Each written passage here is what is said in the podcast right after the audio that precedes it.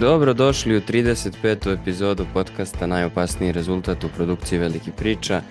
Ja sam Uroš Jovičić i bit ću vaš domaćin u ovoj epizodi koja je konačno uh, relaksirana, što bi rekao Dritana Bazović, i rasterećena obaveza koje ljudi koji rade u nedeljniku velikim pričama imaju utorkom, pa obično kada utorkom zatvaramo broj i u to se udene još sat i po dva, tri snimanja epizode podcasta, loše se završi, sreda nije ni za šta.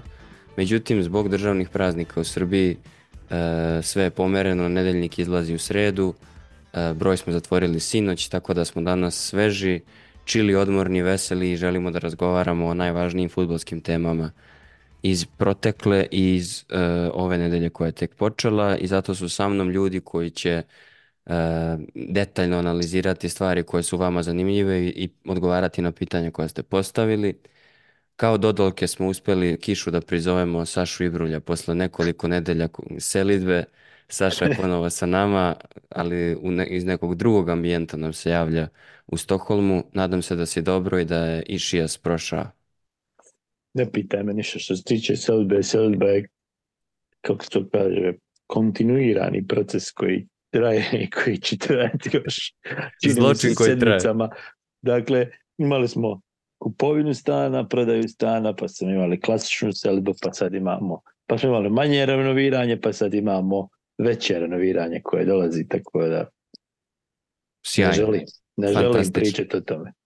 Drugi sagovornik moj danas je Vlada Novaković koji se nije selio i dalje se nalazi u Antwerpenu. Gde si Vlada? I dalje sam na istom mestu gde i prošle put, što ne garantujem za možda ne sledeći, ali neki brzo. Eto o. vidiš, svi se sele. Tako, tako je kako je. Ne sele se svi samo iz Bosne, Hrvatske i Srbije, sele se i u Stokholmu i u Belgiji, gde god da se nalazi. Unutar Rast... Evropske unije. Tako je, tako je. E, uh, Izvini, molim te što te prekidam, ali koji je državni praznik? 14. februara? Uh, 15. ali to je pet, to, dan ljubavi. 15. Srbija je jedna da, ljubav. 15. Uh, dan, dan državnosti, 15. i 16. se ne radi, ili što bi u Srbiji rekli, nije uh, dan zaljubljenih, nego Sveti Trifun da se posvetimo ovim ozbiljnim, ozbiljnim temama, ozbiljnim temama poput e, nemačkog futbolskog prvenstva i, i pregleda premier lige i pregleda svih važnih futbolskih događaja iz prošle nedelje, da, da obavestimo naše slušalce ako to nisu shvatili do sada, trebalo bi da su shvatili Saša Ibrulj već 6, 7, 8 nedelja za velike priče svakog ponedeljka ujutru napravi jedan presek šta se dogodilo tokom vikenda i to je ono futbol ponedeljkom. Ne bi trebalo da bude futbala ponedeljkom da se mi svi pitamo, ali pošto ga već ima, onda je dobro da imate jedan ovako simpatičan futbol ponedeljkom, a to je njegova priča, njegova nije ni kolumna, nije ni izveštaj, nije, nešto je između kako to Sale ume da zakukulju, pa je i ovog puta spakovao futbol ponedeljkom i mogo bi Sale na početku ove epizode da, pošto se nijedan događaj nije preterano izdvojio tokom ovog vikenda mimo pobede Bajera. E, mogao bi da nam kažeš ti šta je tebi zapravo bio najvažniji materijal kad si pisao taj tekst? To nije nezanimljivo za slušalce da čuju.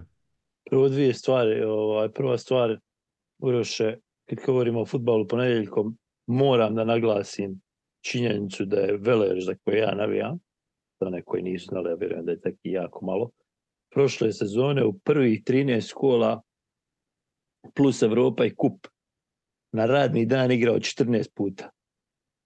Znači, Bože. za vikend smo odigrali dvije utakmice. Ove sezone imamo za radni dan devet utakmica i deset utakmica za vikend. U kupu smo igrali u petak protiv Tuzla Citya, a prvenstvo ovog vikenda otvaramo, znaš koji dan?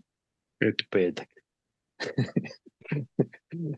Što je nevjerovatno. Dakle, Zamisli, to Velež igrao Modrići protiv Slogi iz Doboja, dakle, zamisli gostujuće navijači koji nemaju nikakvu, apsolutno nikakvu, nikakav način da dođu do, do Modriće ako rade taj dan da, da bi gledali utakmicu. Ali dobro, sad je to druga tema. Druga stvar što zato, tiče Zato smo mi tebi to i dali da pišeš ponedeljkom. Znamo da si to, ogorčan. Na, našla jedino pozitivno sa igranjem petkom. Ako dobiješ utakmicu, onda imaš super vikend. Ali isto tako užasno negativno da ako izgubiš u petak neveće, računaj da ti i porodica imate katastrofalan vikend. kojem svak mrzi svakoga. Tako je. I taj izlet nije što bi trebao da bude poslije.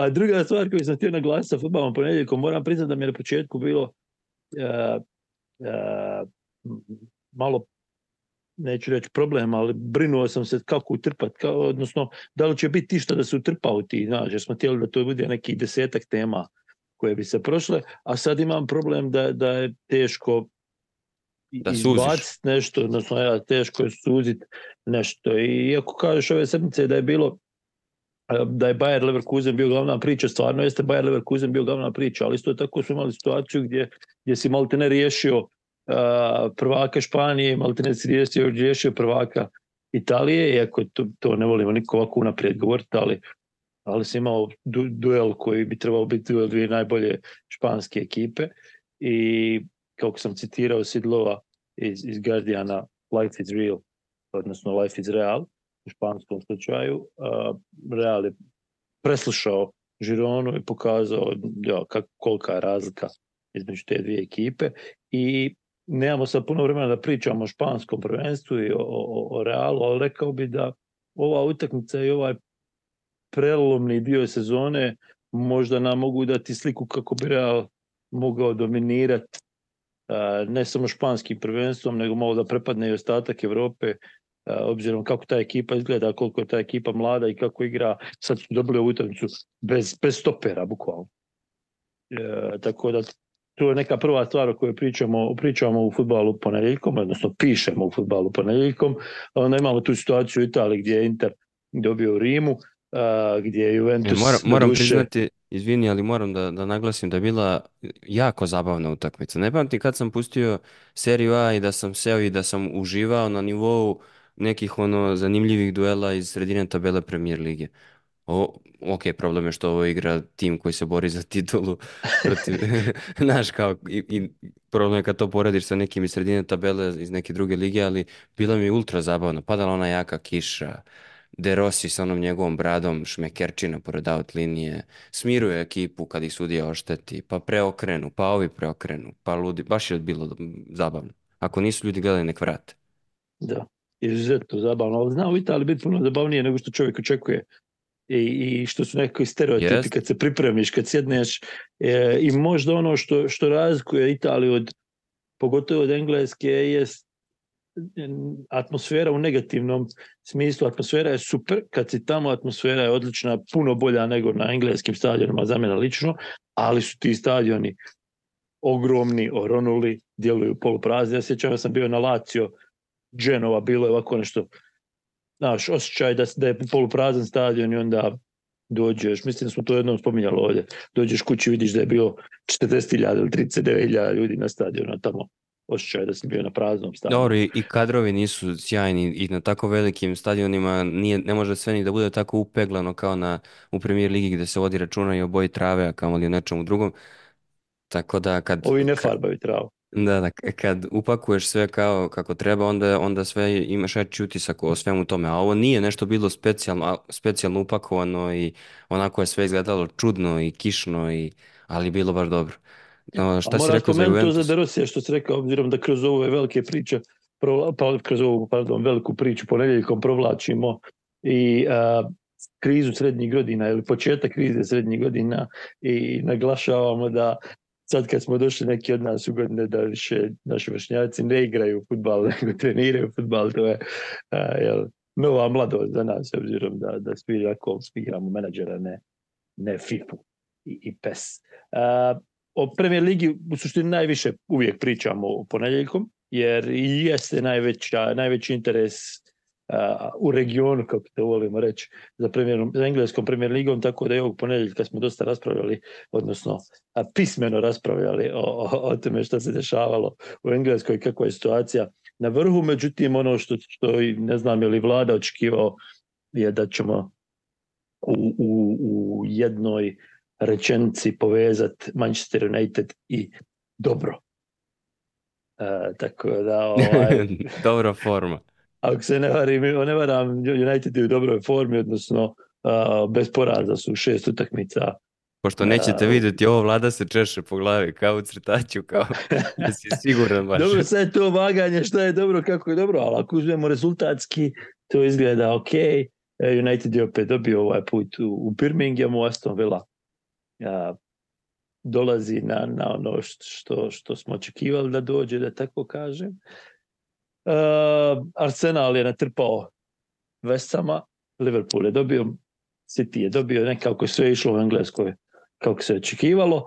Uh, I onda imamo par situacija koje volimo onako spomenuti, pa da su u Njemačkoj i dalje protesti protiv, uh, protiv, kako bi to rekao, investitora, uh, odnosno mogućnosti da se investitori uključuju u Bundesligu i u klubove. Imali smo vezanje biciklistički, kako se to kaže, lokota za, za stative, imali smo ubacivanje slatkiša u teren, imali smo i teniske loptice u terenu ovaj put. E, volim naglasiti jednu stvar, St. Pauli je doživio prvi poraz u Cvajti i to od Magdeburga i obzirom da sam bio, bio u Magdeburgu prošle sedmice, vrlo lako bismo mogli imati na velikim pričama malo ozbiljniju priču o, o, o mm -hmm. istočno-njemačkom gigantu, što do sad nije znao ni ni Uroš iza, sad se on smješka, sad vi to ne vidite. Imamo situaciju na Coventry i Millwall gdje su a, gdje je Hadži Wright zabio s penala a, i priliku da puca penale dobio nakon što je nadmudrio Kaluma O'Harea, mislim da sam ovo dobro izgovorio, O'Harea, kako već, a, u kamen papir i makaze. Ne znam kako se to kaže u Srbiji, imate li neki drugi način? Isto tako, da. Tako, tako.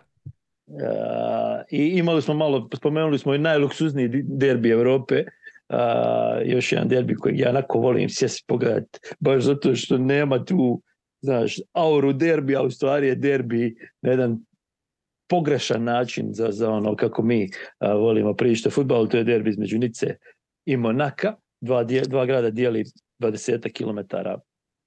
Uh, ako se sjećaš, bila ona situacija kad idu uh, Vespama odnosno kako se to sad kaže, skuterima. U naše vrijeme se govorilo o Vespama, sad se kaže skuterima.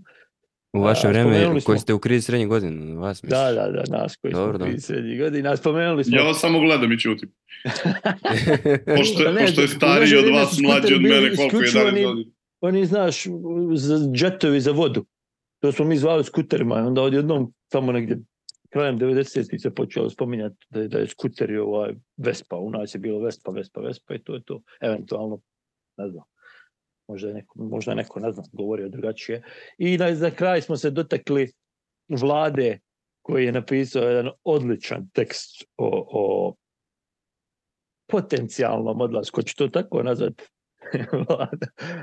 potencijalnom odlasku Aleksandra Čeferna iz UEFA, odnosno situaciju u kojoj zaista nemamo pojma šta se dešava kad je u pitanju taj novi, ču, čuveni sad već novi mandat za predsjednika UEFA, obzirom da je, znate to već vjerovatno, vjerovatno ste pročitali ovaj tekst, ako niste, morate, obzirom da je izvršni odbor i Skupština UEFA izglasali produžetak, kako bi to naj, najjednostavnije objasnio, produžetak mandata e, za Čeferina, potencijalni produžetak mandata za Čeferina, međutim, on je najavio da se neće kandidovati za njega, što apsolutno nema nikog smisla, jer zašto bi, e, zašto bi se onda radilo uopšte na tome.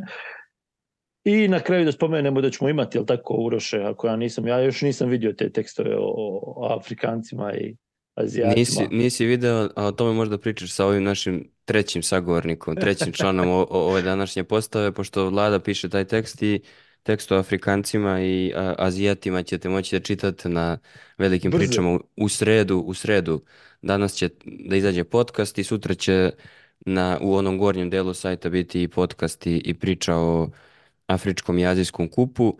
E, Saša... Sad, sad se nas lijepo zakopo i dva teksta za vladu, Magdeburg za mene, tako da... Tako je. Saša je lepo odradio sve što je trebalo ja da uradim, tako da mogu samo da mu se zahvalim. Ajmo kući. I na ovom pri, pritisku koji je izvršio na samog sebe i na vladu da se ubrzaju, tako da e, u svakom slučaju uvek je futbol ponedjeljkom dobra stvar ako ga čitate ujutru ili ono, zavisi ko kad ustaje, ali da se malo resetujete, da saberete utiske, Saša vam pomogne obično da, da dobro saberete utiske i Saša i meni lično i drugim ljudima za koje znam da s njim komuniciraju o sportu, o novinarstvu, o futbolu, o čemu god, daje neki drugi ugao, zato što je valjda predaleko od svih nas koji smo ovde navikli na iste stvari. E, tako da čitajte Futbol ponedeljkom i čitajte ove vladine tekstove. Tekst o Čeferinu je, ima zanimljiv naslov i moram da pohvalim vladu, pošto je to bila njegova sugestija. Kopija Aleksandar Pest Aleksandar, pa sve će vam biti jasno kad budete pročitali. A sad, Saša, možemo da se okrenemo, Saša i Vlado, jel? Ali s tebi se, Saša, obraćam, pošto si u tom tekstu u ponedeljak spomenuo i šta se desilo u derbiju između Bajera i Bajerna i sad ćemo realno da fokusiramo pažnju u ovoj epizodi na to, pošto uh, u jednom trenutku je, Vlado, si, ne znam koliko si pažljivo slušao Sašu, uh, pošto ako si ga slušao pažljivo kao što on sluša nas kad, kad pričamo s njim u podcastu, onda vjerojatno nisi zapazio ovaj detalj kad je rekao da je Aston Villa došla na ono što smo i očekivali. Mm -hmm. I to Mislim je... da je zapazio. Jeste, ja, ja slušam ljude Tako je, tako je. kad, kad smo u podcastu zajedno. Pohvalno. E, to je, to je jako dobra rečenica zbog toga što smo u ovom podcastu više puta od početka sezone govorili o nekim klubovima koji su jako dobro počeli, pa smo pričali i o Gironi, Gironi, Gironi, pa smo pričali e, i, o, i o Aston Villa, pričali smo i o Bayeru. Ali nismo I- Atalanti, to ti moram naglasiti da pričamo o Atalanti. Nismo, ali ćemo pričati. Evo Saša, hvala ti za ovu ideju. Možda bude i neki tekst o tome. Ali da, e, kada smo pričali o Leverkusenu... Mogu ja da kažem samo nešto o Atalanti pre nego što se zalaufamo sa Bayernom? Da, Um, Charles de Ketelaere kad je došao u Milan uh, je delovao onako potpuno prepadnuto i onda je izašao na teren i od, kad mu nije krenulo to, on je prvih 7 minuta igrao dobro i onda je napravio neku baš bazičnu grešku i od tog trenutka mu se raspala karijera u klubu. Dakle, godinu dana je izgledao kao da je ono najbačeniji, koliko je 37 miliona evra bilo u istoriji kluba. I onda je otišao u, u Bergamo. I šta je promenilo celu karijeru njegovu? Uh, Martin Deron, jedan od najboljih ljudi u evropskom futbolu u ovom trenutku, čovek neverovatnog umora, uglavnom prema samom sebi, koji non stop uh, sam pravi šale na sobstveni račun na društvenim mrežama i generalno ga vidiš da je sve vreme taj koji je onako duša svakog tima u kojem je bila reprezentacija, bio klub, um, zagrlio ga je i nešto mu objasnio. I sad ćete vidjeti kod svake situacije kada De Ketelare daje golove, svi ostali dolaze, čestitaju mu, a jedini koji ostane sa rukom na njegovim leđima i koji mu i dalje govori je Martin Deron. Mislim, dobro, dosta pomaže to što je govore isti jezik, ali ovaj, Martin Deron je gurno De Ketelara onako nazad tamo gde, gde mu se prekinula karijera kad je otišao iz klub Bruhja i, ove, i ovo što on radi prethodnih nedelja je stvarno nepristojno, zaista. Mislim, ovaj gol koji je dao, majko milo. da, stvarno možemo da pričamo o njima, nego ne, možemo i danas, nego bi bolje bilo da to uradimo u nekoj od narednih epizoda, jer mislim da je, da je ova ekipa koju posvećujemo ovu epizodu stvarno svima drugima ukrala show. Ono što sam ja počeo da pričam, da smo mi nekako govoreći o timovima koji su dobro počeli i stvarno su super zanimljivi i za gledanje i zabavni i sve ostalo i imaju neku ideju, ali smo svaki put rekli da će to imati rok trajanja, najverovatnije. I svaki put smo bili u pravu, osim za Leverkusen za koji smo bili, ok, imali smo i najveći nivo optimizma da bi oni mogli da izdrže dugo u trci sa Bayernom, ali su nas oni, rekao bih, sve prijatno iznenadili načinom na koji su odigrali ovu utakmicu. Definitivno im je, kad gledamo nivo čitave sezone, e, na tom makro nivou Bayern mnogo pomogao, ali iz nedelje u nedelju ovo što e, Alonsova ekipa radi je stvarno sjajno, tako da ćemo zato danas pričati o tome. I hajde, Vlado, e, si gledao, pretpostavljam da si gledao utakmicu, šta ti je, šta su bile ono neke crtice koje, koje si ti zapisao sebi, šta si zapazio, a što, što te iznenadilo? Pošto oni već igraju prepoznatljivo i znaš kao ne može puno stvari da te iznenadi, ali uvek nešto, nešto se desi, uvek nešto zanimljivo urade, da li u postavci, da li neki individualni potez, uvek se nešto desi što, što preokrene stvar u njihovu korist u ovoj sezoni i zato me zanima šta si ti primetio, šta je tebi zapalo za oko. Pa, znaš šta, mislim, kad prvo poredimo njih i ove ostale klubove koji su bili gore, to se pogotovo sa Žironom videlo od početka, oni nisu bili lider, čak i kad su bili prvi na tabele. Nisu bili tim koji dominira utakmicama, oni su bili tim koji onako subverzija, tim koji dobija utakmice na, na to što uhvate protivnika na spavanju. Leverkusena toga nema. Izgledaju kao ekipa koja je potpuno dominira u svakoj utakmici i to je ono što mi je bilo najveći naj, najveće iznenađenje ovde. Sećam se jako dobro u prve utakmice sa Bayernom, u kojoj je Leverkusen izgledao dobro, ne onoliko dobro koliko će izgledati kasnije, i na, na čisti karakter uspeo da dođe do onog izjednačenja duboko u nadoknadi i tada je izgledalo kao da mogu da, da drže trku. Međutim, da je meni neko rekao tada da će oni na utakmici sa Bayernom na revanšu izgledati kao ekipa koja potpuno drži sve konce protiv Bayerna, to nekako u životu pomislio. Dakle, očekivao sam od njih da mogu da budu protivnici u trci, ali ne da budu potpuno dominantna ekipa u trci sa, sa ekipom koja je ono napravila sebi istoriju od toga što, što sačeka trenutak i, i onda izlomi protivnika. Dakle, sad su imali priliku da izlome protivnika, ne da ga nisu izlomili, nego su završili na podu. Sad ono što je mene tu zabrinjava, to je što je razlika i dalje mala, dve utakmice, Bajan je pokazao već da ume dve utakmice da nadoknadi kad god ovaj, i protiv koga god, ali opet način na koji igra Leverkusen je, je takav da, da onako uliva ogromno samopouzdanje. Videli smo da mogu da igraju i kada im fali neko od jako bitnih igrača. Da, da nije bilo Boniface, to se nije baš nešto primetilo i tako dalje. Ove, sve u svemu, a, a, ključna stvar jeste to što Leverkusen hoće protiv ekipe koja je na papiru bolje od njega, koja ima tri puta veći budžet od njega, koji ima duplo veći platni uh, spis, malo više od duplo veći. Malo više, da, da. Ove, ove, um, računa za plate od njega da uzme loptu i da radi sa njom šta god hoće. I zapravo ključna stvar mi je utekmica, ono po čemu mi je utekmica ostala e, zapamćena i ostaće mi zapamćena dugo, to je monolog Tomasa Millera u kameru posle utekmice i mislim da on najviše govorio jer ja u životu nisam vidio Tomasa Millera ovako besnog, a Tomas Miller je bio akter nekih strašnih poraza Bayerna i strašnih poraza nemačke reprezentacije, ali ovaj nivo iskrene iznerviranosti zaista nikada nisam primetio. Da, bespomoćno izgleda, to, to je možda pravi ali, ali potpuno je bio ono van sebe, a to stvarno znaš, u, u, u ovim godinama posebno nisam očekivao da ću videti. Da, da. Sale, jedna od stvari, možda jedan od zanimljivijih utisaka mojih iz, iz nemačke štampe posle utakmice je to koliko su svi istu foru rabili, ono, nisu bili previše originalni inventivni, nego su svi bili u fazonu da li bi ovako nastradali zaista da, da nisu pustili Stanišića, šta bi se dešavalo. E, on je nekako obeležio, jedan od igrača koji je obeležio ovu, ovu utakmicu ne samo time što je postigao gol, nego načinu na koji je odigrao i generalno ja mislim da na tu poziciju da u Bayer uz dužno poštovanje njemu, naravno njegovom kvalitetu, ali da neko od nas trojice mora da uleti 15 minuta na, na, na taj deo terena u Bayeru, mislim da, bismo, da bi dobro izgledao. Nekako, e, i to je isto, jedno, Englezi su to pitali da li je e, Alonso uspeo da napravi najbolje ono tandem bekova, bekova po znacima navoda na svetu u ovom trenutku. Kako ti se sviđa Stanišić i kako ti se sviđaju fore? Koliko ima ova ekipa s bekova.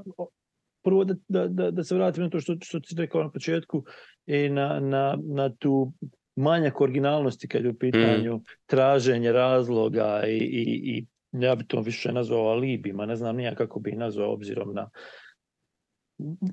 previše mi je to pojednostavljivanje situacije. Da, znaš, da. jedan igrač apsolutno u ovakvom rosteru kojeg ima ovo što je sad upravo rekao a, vlada, da ne znam nija kolika je ogromna razlika u, u rosteru, jedan igrač kojeg si ti poslao na posudbu, da li igra protiv tebe ili ne igra protiv tebe ili da li treba biti na tvojoj strani, nije baš da on pravi toliku razliku da možemo reći da je, da je to odvelo ovu utakmicu u, u, u nekom... Ma naravno, to je karikiranje. Je nekakav to je bukvalno karikiranje. I zato mi je smiješno da se Tuhel toga uopšte dotakao nakon utakmice. I, I mislim da je to skretanje pažnje sa pravih problema. A, ono što je moj utisak a, nakon ove utakmice bio je to da ono što smo pričali da, da, da mora doći taj nekakav trenutak gdje, gdje Bayern može slomiti uh, Leverkusen. Međutim, i, i očekuješ, Bayern obično igra ovakve utakmice na najboljem mogućem nivou i Bayern obično dobija ovakve utakmice. Međutim, ovaj put su bili bukvalno ugašeni. Bez, bez, ja ne znam da su imali jednu pravu šansu, više se ne šćam.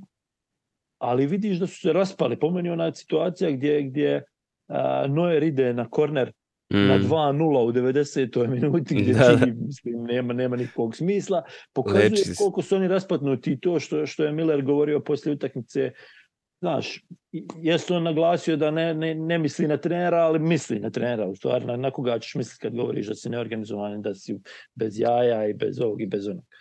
Tako da to je moj, to je, imao je to nekakav general utisak da, da je Bayer ovdje ono lupio šakom, Bayer lupio šakom od sto i, i, i pokazao da, da ima kontrolu a mi smo nekako, ja sam barem očekivao da će u jednom trenutku oni ispustiti tu kontrolu i da će Bayern, Bayern preuzeti tu kontrolu, kontrolu kako to obično radi, kako je to radio sezonama jel, ranije. E sad imaš jednu situaciju koju ljudi konstantno zaboravljaju. Konstantno forsiramo to da im i Bayern im ostavlja ovu priliku, ajde da kažemo, da, da imaju kontrolu, priliku da su prvi, priliku da... da... Yes. Međutim, Bayern uopšte ne igra lošu sezonu ok, Bayern ima problema, Bayern je neke rezultate napravio uh, iznad onoga što su odigrali na terenu, odnosno neki rezultati su došli na, na individualnu kvalitetu koja je puno veća od ostatka lige.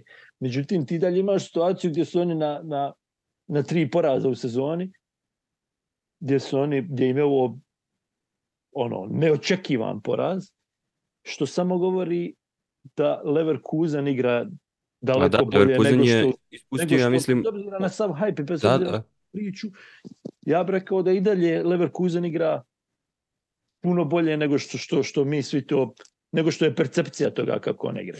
Ma jeste, osam bodova su oni samo ispustili do sada. Bayern je ispustio 13, čini mi se, a ovi osam to nije nije Bayern ispustio 30 bodova pa im kao pruža šansu, to što e, to. hoćeš da kažeš. Nije. I pritom ovo što vlada spomenuo, dešavalo se Bayernu i ranije i da sporije uđe u sezonu i da tu bude problema raznoraznih, pa da u nekom momentu oni kliknu i da to sve krene na dobro. Ali ono što mene zanima, i to je pitanje za obojicu, da li mislite da je prekasno? Ne zbog toga što je pet, pet bodova nenadoknadivo, daleko od toga, nego upravo zbog ovog što smo pričali, zbog načina na koji oni igraju, zbog zrelosti koju je Bayer pokazao u ovom derbiju, zbog toga što deluje ovo što Saša kaže, koliko ta ekipa ima bekova.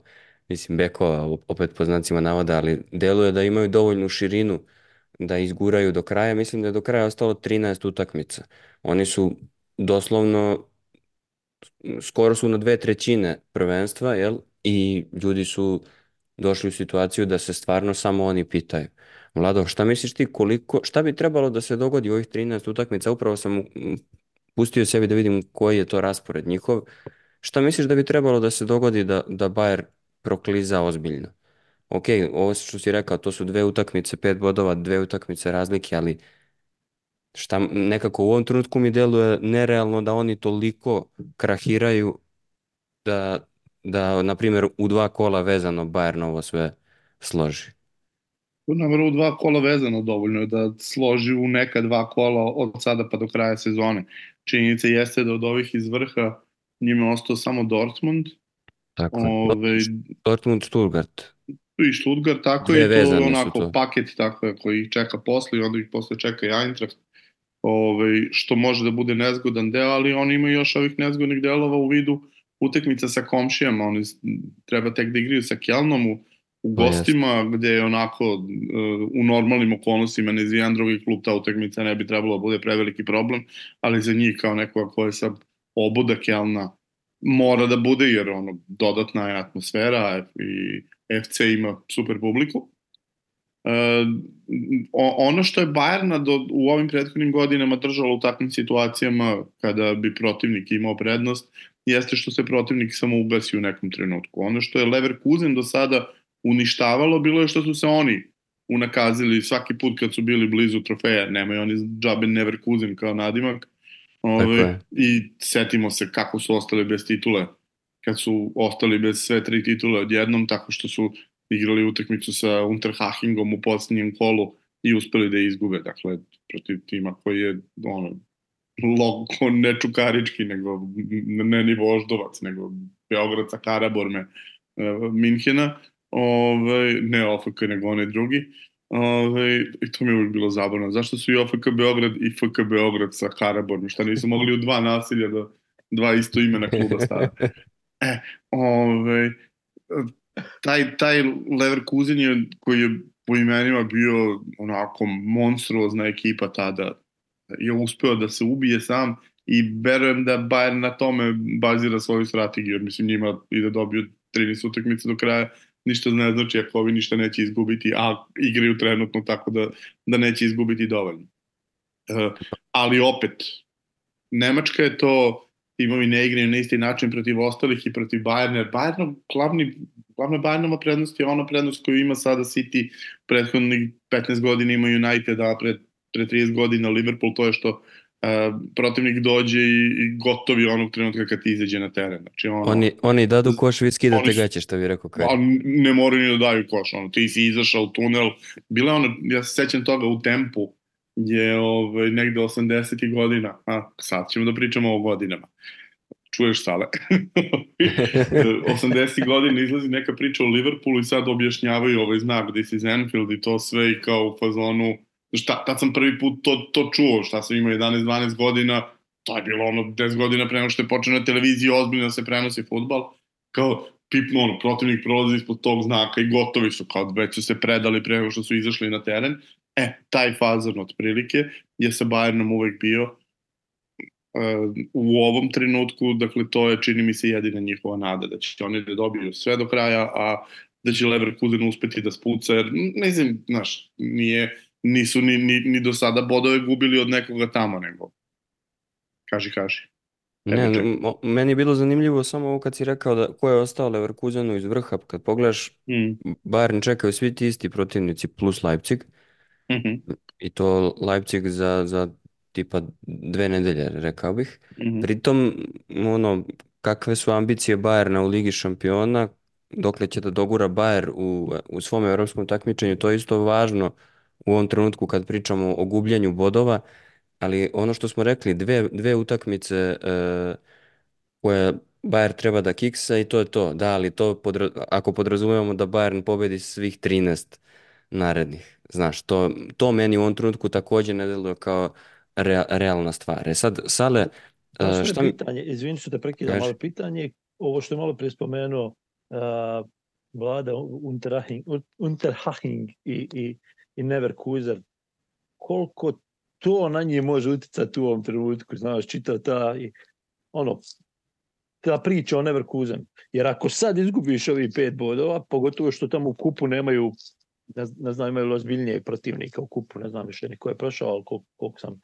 skontao, svi su poispadali imaš situaciju da, da, da sami sebi možda dođu, znaš, da prave problem od, od toga da su, da su Neverkusen. Jer ako sad naprave e, proklizavanje i sad ne osvoje trofej, onda to Neverkusen bukvalno, ne, bukvalno mogu promijeniti ime. I još jedna stvar, vlada, hoćemo li objasniti ljudima da Unterhaching ima e, na, na, na grbu kluba ima Bob, Mm.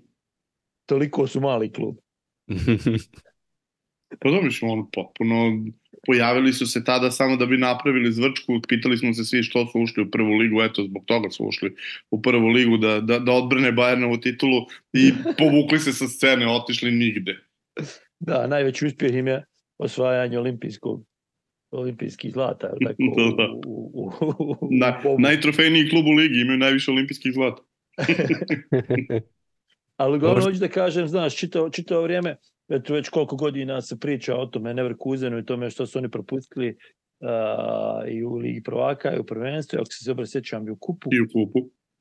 I, I sad su opet u situaciji gdje ima još priliku da si u kontroli i ne znam koliko, koliko na njih može utjecati sve to. Normalno ovo je nova generacija i čitava jedna generacija je prošla od tada, ali znaš kako to, to je. Takve su stvari nasljedne u futbalu.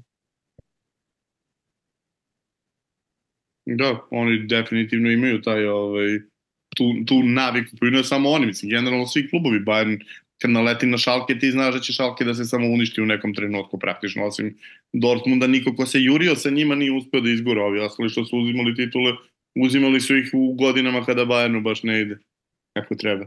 Ne znam, meni je onako totalno fascinantna čitava priča pre svega zbog toga što mislim da još uvijek niko nije pročitao Šabija baš do kraja. Ajde, okej, okay, shvatio si mu osnovne koncepte, ali je dovoljno mlad, dovoljno svež da još uvijek ne znaju tačno kako da se, da se nose sa njim, a opet sa druge strane imaš čoveka koji je ono defaultno potpuno nespojiv sa Bayernom po svemu što radi i onda je to problem, jer ono, Tuchel nije karakter kakav je uklopiv u sistem kakav Bayern pokušava da izgradi 50 godina.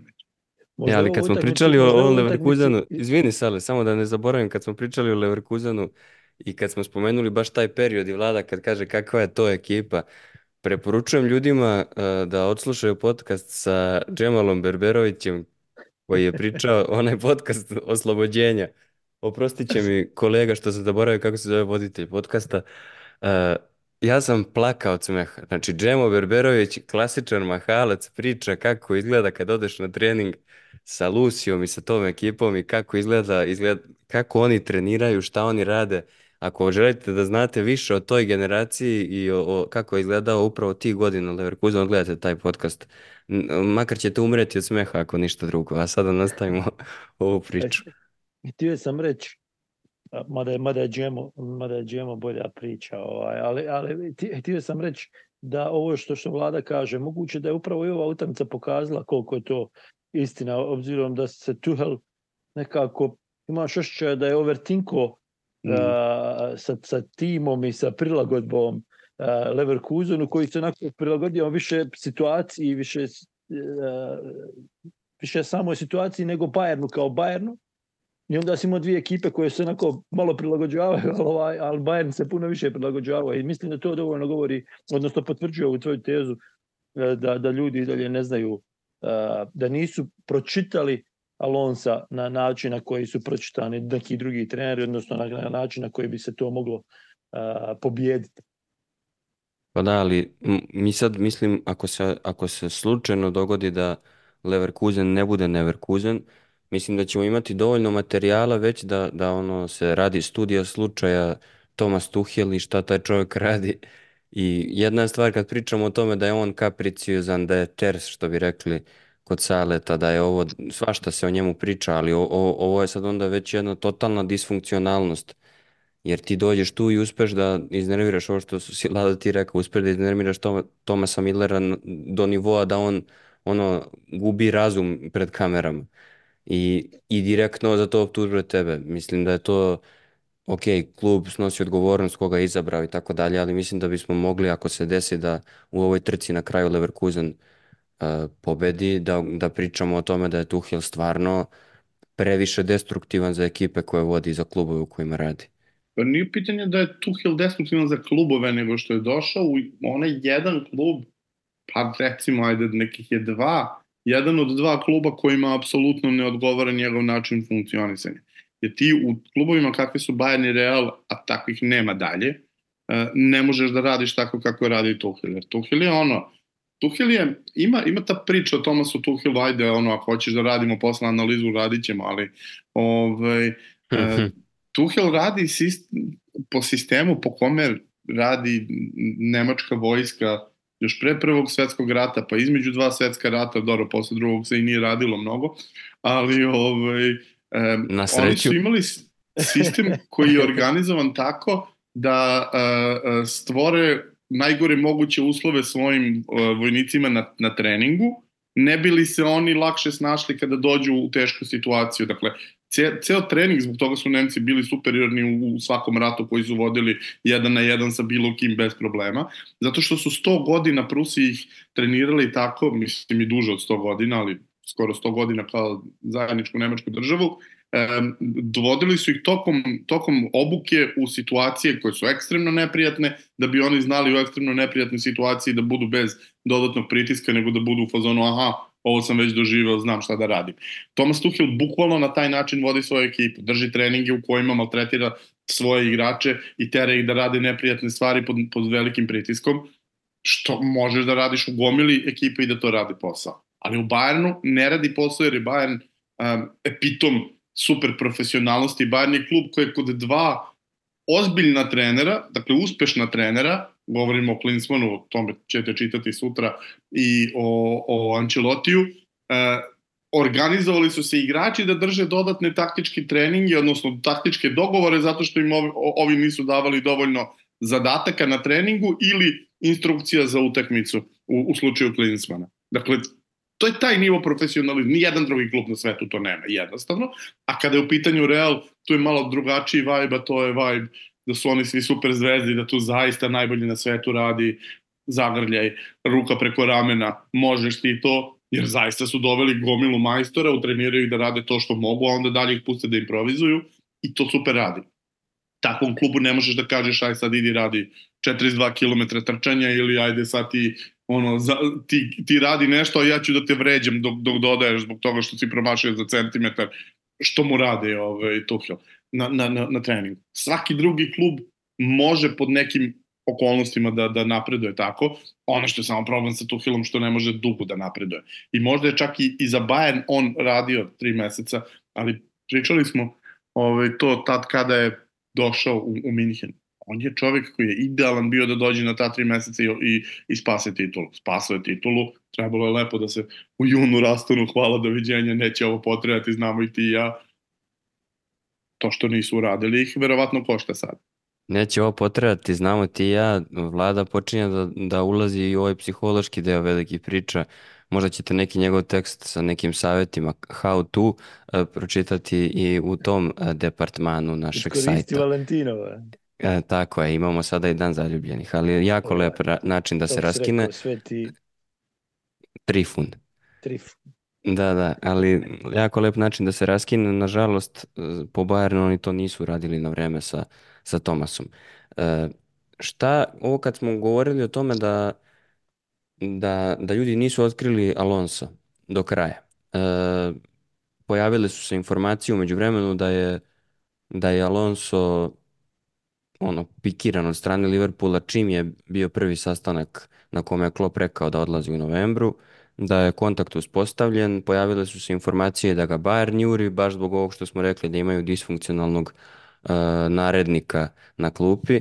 Uh, generalno on nije provaljen u tom, iz tog trenerskog ugla, ali su ljudi već shvatili da, da je on potencijalno veliki trener u nastajanju i imao nekoliko igrača i čak i više od nekoliko u ovom timu Bajera koji, koji zaista privlače ogromnu pažnju. Sad malo je paradoksalna situacija, ali nije li ovo i poslednja šansa Leverkusenu da dokaže da nije Neverkusen? Jer meni je lako da zamislim da na leto 5-6 igrača ode, da Alonso ode i da ti onda iz početka moraš da, da praviš sve, a to pitanje kada će da se poklopi sa Bayernovim ono, uh, laganim, kontinuiranim posrnućem i, i lošom atmosferom i kada će da se poklopi u samom klubu da oni odigraju ovako i da konkurencija odigra tako kako igra.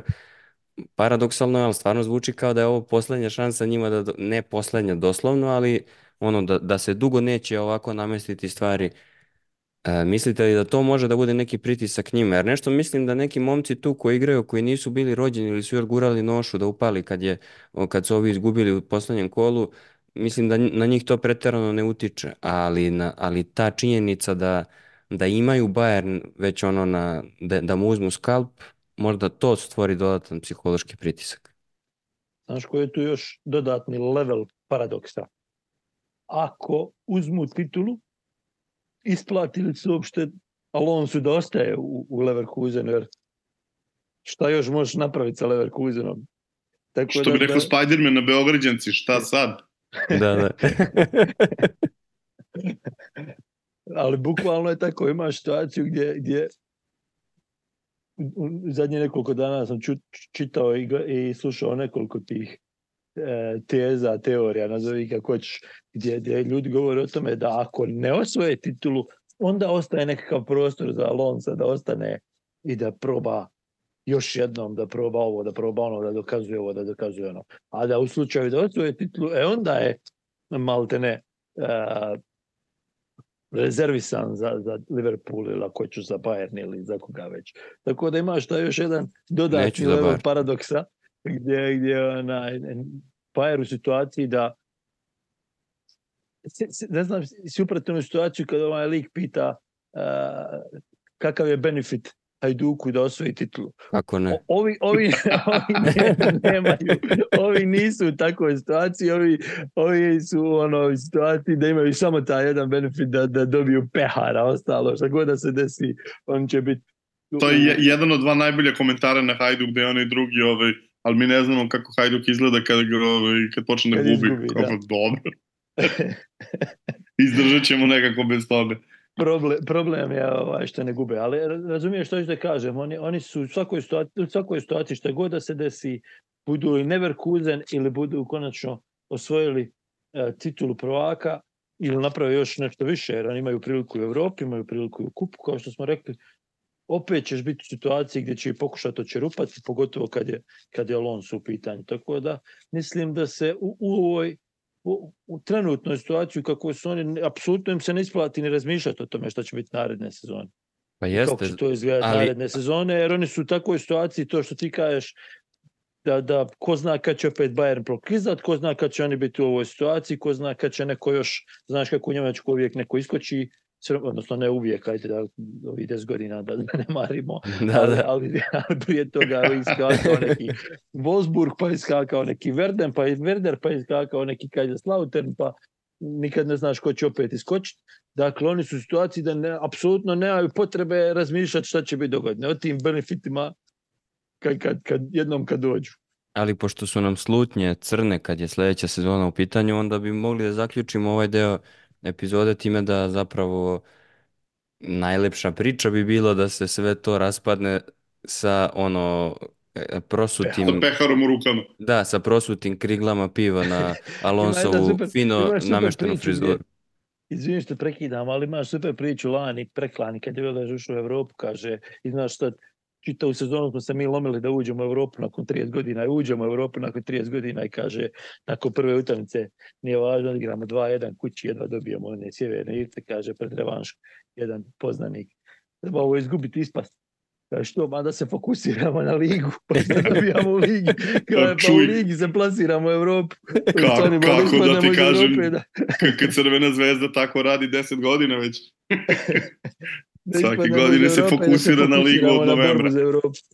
Da, da, da se fokusiramo, pa nisam siguran, to je kad pričamo o Alonsu kao treneru, da će on u bilo kom trenutku razmišljati na taj način, mislim da je njemu stalo da bio je već blizu, došao je u samu završnicu europskog takmičenja, E, mislim da će on ganjati na svim frontovima, da os- mislim da im je ovamo ostao Gladbach, e, Kaiserslautern je dobio 3-1, tako da i oni igraju protiv Fortune ovo polufinale. Leverkusen, tako da to, to je stvarno, mislim da su svi timovi, Onda je neka situacija da niko odavno nije osvojio ništa, ako se ne varam, je li tako? E, ali, ali, ali pazi ovako, Gladbach im je skinuo bod, e, Düsseldorf Jest. im je isto kao i Kjeln lokalni rival, samo s druge strane. Mm. slažem se, ali opet kad pričamo o tome kako igraju i koliko su dobri, da. favoriti su za taj trofej svakako, a ni u Ligi Evrope nisu, nema previše timova koji makar teorijski mogu da im ugroze to mesto prvog favorita.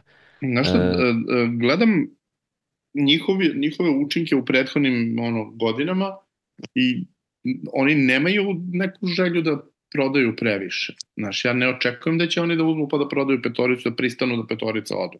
Ok, imaće sigurno dvojicu, trojicu koji će otići, ali ono kad uzmeš i analiziraš, Grimaldo više nije u prvoj mladosti, imaju gomilu igrača koji su matori, ovaj, e, praktično osim Frimponga, do Virca će sigurno svi hteti da kupe. E, Boniface ima ono dva, e, dva puta operisane ukrštene ligamente.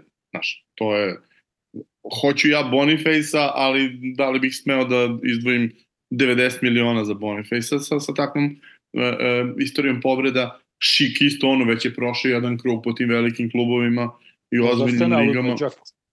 Pa znaš, kao Imaš Džaku, imaš Hoffmana, imaš Karadecko koji su svi ono, Jonathan Ta, koji su svi ljudi u godinama.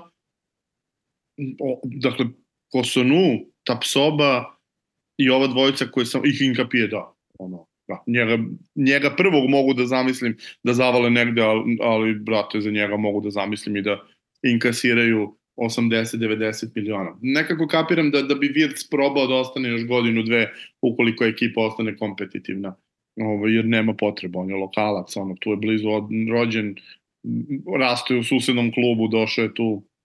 U prethodnoj epizodi o, o zimskoj pijaci ti si više puta spomenuo to da timovi moraju da gledaju na to kada će moći da maksimizuju ono prihode od, od proda nekog igrača. U kom mhm. trenutku je najbolji trenutak da se neko zavalja i ok, slažem se da, da oni ne, verovatno... Nikad nije dobar trenutak da zavalja šestoricu. To slažem je ono što... Se. Ali se bojim da ako, iako osvoje, iako ne osvoje, da ih to čeka. E sad, kad smo lepo ovo analizirali, Saša je počeo epizodu, a vlada će da je završi svojim kratkim pregledom. Ajde daj nam tri crtice, ljudi vole kad ti pričaš o premier ligi, makar pričao o, o, ono, čitao reklamu za premier ligu, pa uh, šta, su, šta je tebi bilo najzanimljivije? Ali ovo atipično malo, da moraš da napišeš vladin utorak.